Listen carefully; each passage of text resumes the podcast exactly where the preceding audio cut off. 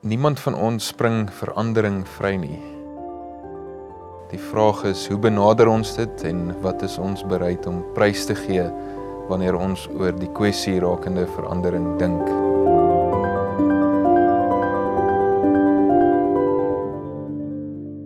Ons het eintlik wanneer ons oor die hele vraagstuk rondom verandering dink, dan sit ons met twee twee antwoorde daarop. En uh miskien kan prof ons net so inleiding gee tot elkeen van hulle. Dankie. Ek dink mens skryf vandag uh, Daniel twee radikaal uiteenlopende opvattinge van verandering. Uh aan die een kant, uh miskien die mees uh, bekende een vandag, die mees populêre een, uh word geargumenteer dat alles, letterlik alles veranderlik is. Uh en daarteenoor uh word geargumenteer ja, verandering is 'n uh, kenmerk van dinge, maar daar is ook sekere dinge wat nie verander nie. Daar's sekere konstante en onveranderlike dinge. En hierdie twee beskouings staan eintlik vandag baie sterk uh, teenoor mekaar. So ek dink 'n mens kan 'n bietjie gesels oor elkeen van die twee beskouings uh, wat verandering betref.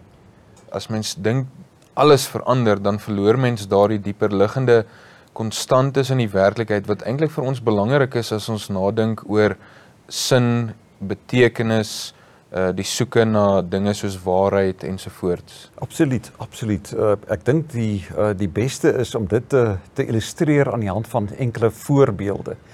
Uh die gedagte wat sê dat alles veranderlik is, uh gaan selfs so ver as om te sê dat uh ons godsdienstige waarhede is radikaal veranderlik. In aansluiting daarbey is alle ander dinge wat ons in die verlede beskou het eintlik as konstant en as onveranderlik uh, word ook nou beskou as veranderlik. Soos uh, die gedagte dat ek tot 'n bepaalde geslag behoort of dat ek uh, tot 'n bepaalde tradisie van taal en kultuur behoort. Uh, al hierdie ou tradisionele dinge, my godsdiens, my my geslagtelikheid uh en so aan en so aan word gesien as radikaal veranderlik. Uh Uh, en dan is die vraag natuurlik wat is die implikasie daarvan? As alles in my godsdiens veranderlik is, dan is die fundamentele waarhede in die godsdiens soos God uh en alles wat daarmee saamhang ook veranderlik. So ek dink 'n uh, mens moet vir jouself afvra uh wat is die implikasie van hierdie radikale vorm van van verandering waarmee ons vandag gekonfronteer is? Hierdie radikale siening wat prof nou beskryf het staan ook eintlik word ook soms gekenmerk as 'n revolusionêre gedagte of die revolusionêre uitgangspunt rakende verandering want dit probeer dit dit self heeltyd as 'n uh, progressief voorhou. Miskien kan prof so 'n bietjie iets daarvan deel veral wanneer ons dink aan dit in die konteks van 'n revolusionêre gedagte. Ek dink dit is verskriklik belangrik om net die historiese agtergrond tot hierdie idee van dat alles veranderlik is om dit net te begryp en dis jy heeltemal reg. Ek dink mens sou die oorspronge daarvan kan terugvoer na die revolusionêre tradisie. Nou praat ons sê net maar uh na die tradisie wat uh sê net maar sy eerste groot uh uitdrukking vind in die Franse revolusie 1789 en dan in die talle revolusies daarna. Uh mens sou self dink uh, aan die studente opstande in die 60er jare van die vorige eeu.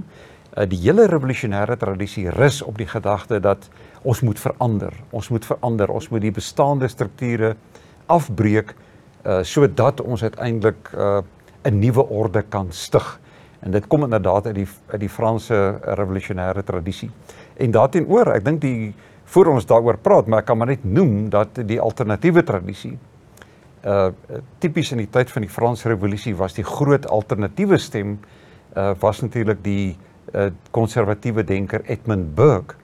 En Burke het daai tyd uh, geargumenteer dat die eensydige klem op verandering van die kant van die Franse revolusionêre lei tot geweld, lei tot die opheffing van ou vertroude dinge wat oor eeue gewerk het. Dit lei tot geweldige onsekerheid uh, in ons wêreld. Dit lei tot allerlei noem dit maar patologieë of siektes uh en so aan en so aan, maar ons kan uh, nou daarby stil staan. So hierdie hierdie radikale siening oor verandering uh ek dink prof het al eintlik klaar daarna verwys, maar ek dink ons sou kon sê as ons dit logies deurtrek dan moet gaan mens uitkom by 'n plek waar ons sê dit dit loop uit op 'n verandering ter wille van verandering en ook die idee dat dat alles is uiteindelik mens kan wegdoen met enige ietsie. Daar is nie meer konstantes wat ons nou hier kan rig nie. 100%. Ek dink uh, as jy nou een beeld wil gebruik uh om die gevolge van hierdie gedagte uh mee te verwoord, die gedagte dat alles veranderlik is, uh dan kan ons gebruik maak van die die beeld van plastiek. As alles veranderlik is, uh dan is alles eintlik soos plastiek.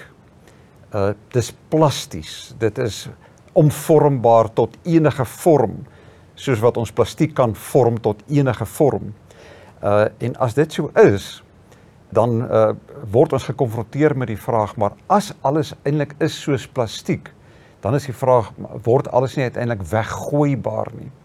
So niks het 'n eie karakter, 'n eie konstante eienskappe, karakter, uh, dinge wat oor tyd vas staan nie.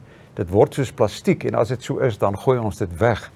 En dit is miskien uh, eintlik die die radikale gevolg uh van die opvatting dat alles veranderlik is as ons na die alternatief kyk, ons moet vir mekaar sê dat verandering is onvermydelik.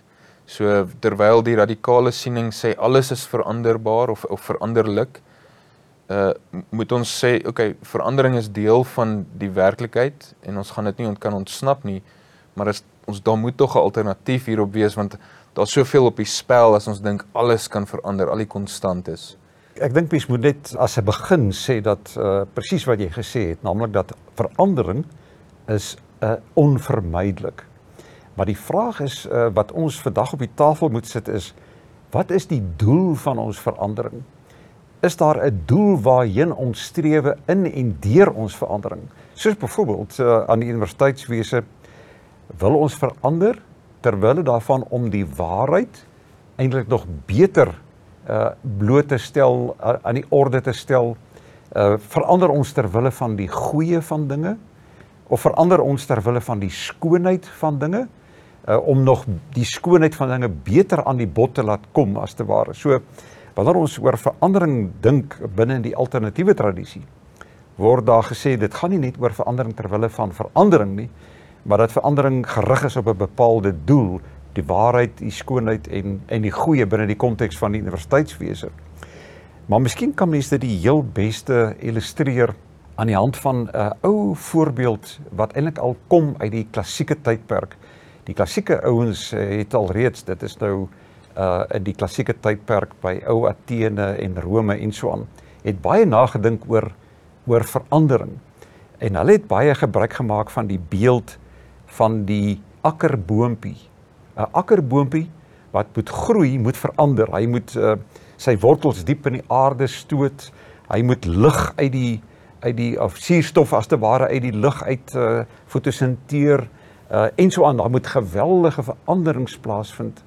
'n Klein akkerboontjie moet uiteindelik 'n groot boom word wat kan floreer.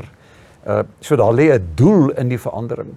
En ek dink dit is as mens daardie beeld wil oordra en ons dink vandag oor verandering, is die vraag gaan dit maar net oor verandering ter wille van verandering of wil ons 'n beter toestand bewerkstellig soos wat die boontjie uiteindelik na 'n volwasse boom toe groei. So dit lyk dan vir my as ons dink aan hierdie alternatiewe tradisie, dan moet ons ons laat lei deur die dinge wat onveranderlik is op weg na 'n doel toe. Dis reg. As mens byvoorbeeld dink aan 'n uh, aan 'n verandering, dan sou mens kon vra of daar die konstante dinge nie die voorwaarde is vir sinvolle verandering nie. Uh die waarheid God as konstante, as onveranderlike. Uh as dit die leids die die leidster is as te ware as dit die doel is van verandering, dan vind verandering jy sinvol plaas. As God as maatstaf of as die ware of die goeie of die skone nie as maatstawwe is nie, dan dan uh, dan sou mens kon sê is verandering lei dit eintlik tot verwringing en dis eintlik nie egte uh, verandering nie. Prof het nou-nou verwys na die uh, Franse revolusie en Edmund Burke, die konservatiewe denker wat daarop gereageer het. Miskien kan prof ons net net uh, van sy gedagtes ook deel uh, hoe hy gereageer het op die Franse revolusie wat hierdie progressiewe of radikale siening oor verandering gehad het. Burke het heeltemal saamgestem dat daar groot probleme is binne die Franse konteks. Hy het uh, erken dat daar veranderings moes kom.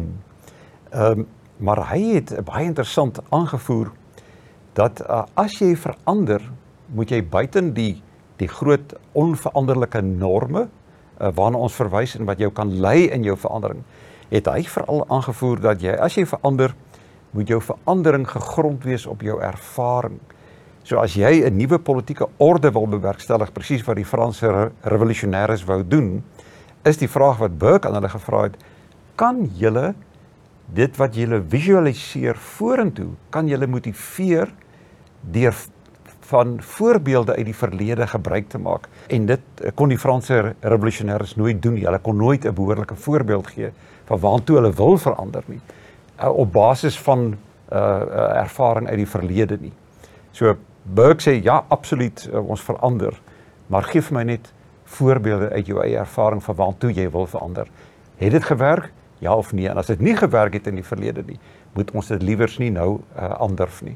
So as ons kan opsom, radikale ver, eh, siening van verandering loop uit op 'n siening wat verandering ter wille van verandering alles word weggooibaar. Ons verloor daardie onderliggende konstantes in die werklikheid, die meer klassieke of dan die uh hierdie alternatiewe tradisie van verandering implementeer die ryk kategorieë vanuit die werklikheid en ook baseer dan ook op uh lewenslesse of of ervaringslesse uit die verlede uit om daardie verandering te laat rig. 100% so dit is jou jou onveranderlike dinge uh, wat vir jou rig in jou verandering en ook jou ervaring. Uh, wat sê die tradisie? Wat het ons geleer uit die verlede?